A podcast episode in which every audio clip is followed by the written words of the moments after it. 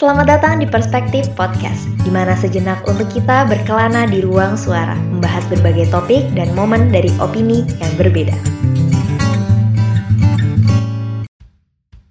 Halo semuanya, kembali lagi di ruang suara yang masih sama bersama gue Vivi Anik. Di penghujung tahun ini, gimana kabarnya? Besar harapan untuk yang sedang mendengarkan di mana pun dan kapan pun bisa tetap kuat bertumbuh dan melewati musim hujan. Karena lagi musim hujan kan.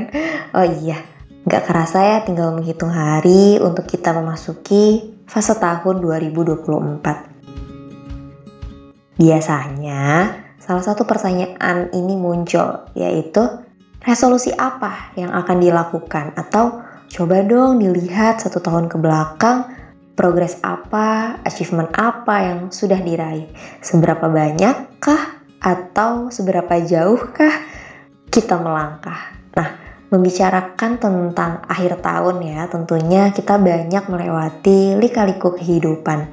Tapi pernah gak sih kita berpikir sesering apa kita mengeluh selama ini? Atau bisa jadi kita pernah begitu ya, melihat orang di sekeliling kita atau jangan-jangan orang terdekat kita yang kayaknya kok sering banget gitu ya mengeluh karena masalah itu tuh kayaknya hobi banget datang ke hidup dia. Di kesempatan kali ini gue mau sharing tentang kenapa sih ada orang yang hidupnya tuh kayak isinya masalah terus dan akhirnya masalah itu yang buat dia merasa sial, merasa nggak beruntung dan dilampiaskan dengan mengeluh.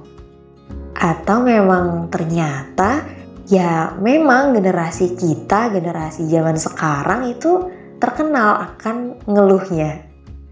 Sebelumnya kita disclaimer dulu ya kalau mengeluh di sini bukan berarti suatu hal yang sepenuhnya salah karena ya justru itu salah satu cara juga untuk kita terus bertumbuh, iya kan? Ya, tapi bedanya dulu dan sekarang, waktu dulu serba terbatas yang jadi masalah. Kalau sekarang, serba kebanyakan yang jadi masalah. Baik itu kebanyakan informasi, kebanyakan pilihan, kebanyakan jalan instan, kebanyakan pikiran alias overthinking, dan masih banyak lainnya.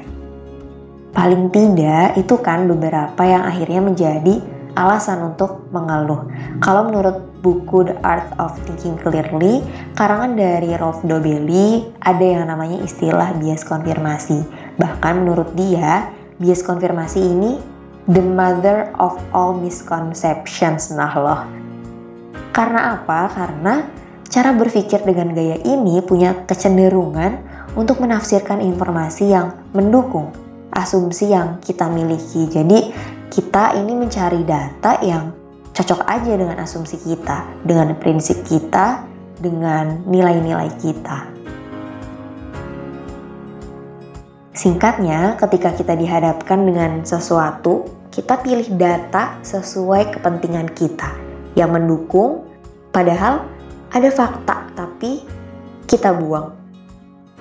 Nah, Bapak Rolf Dobelli sendiri memberikan contoh dari cerita pendek ada seorang yang sedang menjalani program diet. Dan dia ini selalu ngecek progresnya setiap hari. Setiap dia turun berat badan, dia menganggap dietnya ini berhasil. Tapi kalau berat badannya naik, dia justru nggak notice itu. Dan nggak nganggep ya cuman sebatas fluktuasi biasa. Dan akhirnya apa?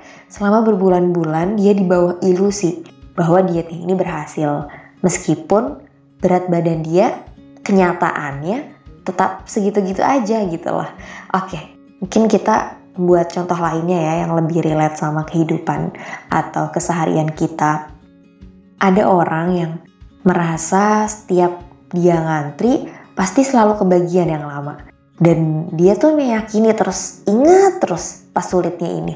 Jadinya setiap mau ngantri, udah mikir jelek duluan gitu yang dia tahu karena dia akan ngantri dan akan kebagian yang bagian lamanya.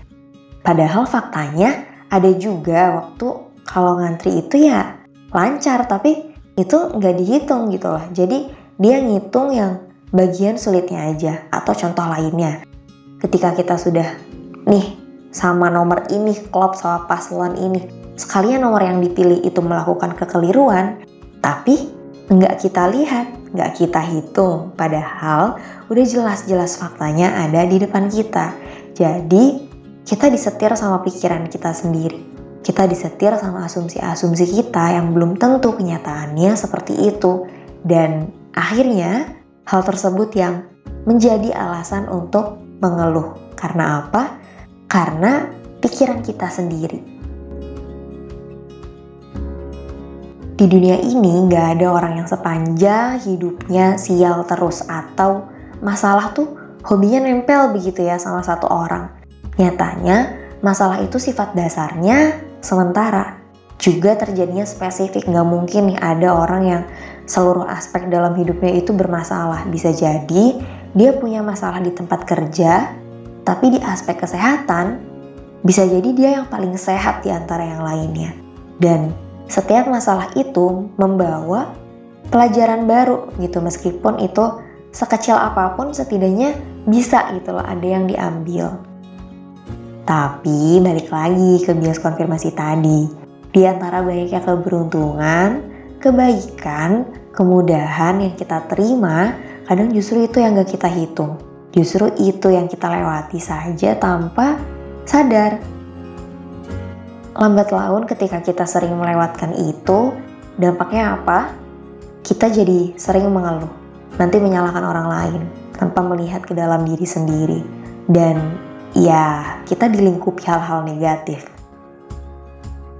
Begitu juga dengan kasus yang terjadi akhir-akhir ini, ketika seseorang yang masih muda, masih punya mimpi, tapi memilih mengakhiri hidupnya. Dengan berbagai alasan dan latar cerita yang berbeda, yang bisa kita tarik garis besarnya adalah bahwa mereka merasa tidak punya kesempatan lagi untuk mendapatkan hal-hal baik atau kemudahan dalam hidupnya. Oh iya, gue jadi ingat sama salah satu kisah pendek yang pernah gue baca ketika di bangku sekolah. Ya kali-kali ini gue berkisah lah ya di sini. Jadi ada kisah tentang seorang raja dan sang penasihat sang penasihat ini selalu bilang mungkin ini yang terbaik. Pokoknya semua yang raja katakan dan keluhkan itu jawabannya tuh pasti itu gitu loh. Dan tibalah di suatu hari sang raja ini dan pasukannya berburu di hutan. Terus si raja ini kodarullahnya kecelakaan. Akhirnya yang menyebabkan tangan kelingkingnya itu putus. Pas dia cerita ke penasihat, dijawab lagi lah. Mungkin ini yang terbaik raja. Nah, karena kesel dianggap tidak memberi solusi, jadilah si penasihat ini dimasukkan ke penjara kerajaan. Keesokannya, si raja ini berburu lagi, tapi dia nyasar dan terpisah sama pasukannya. Eh, tahunya waktu di hutan, ketemulah si raja ini sama suku pedalaman dan mau dijadikan tumbal persembahan.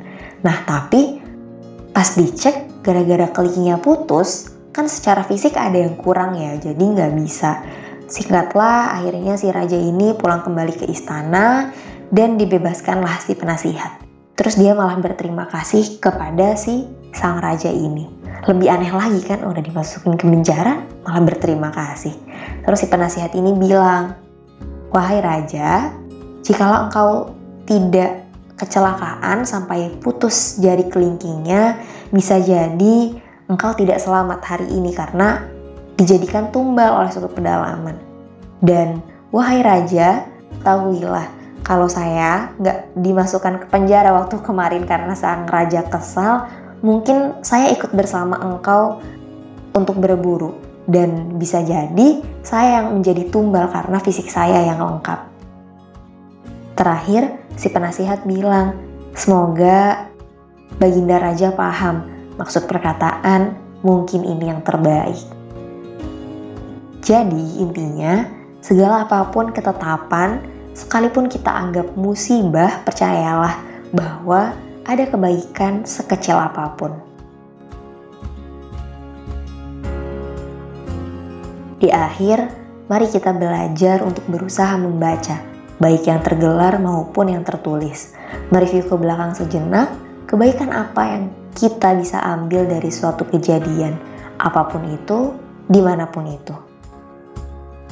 Dan yang terpenting adalah jangan melewatkan fakta hanya karena kita menutup mata. Jadi, selamat membuka diri seluas-luasnya untuk membaca dinamika kehidupan diri. Semoga pikiran kita, apa pun itu dalamnya, akan selalu terjaga.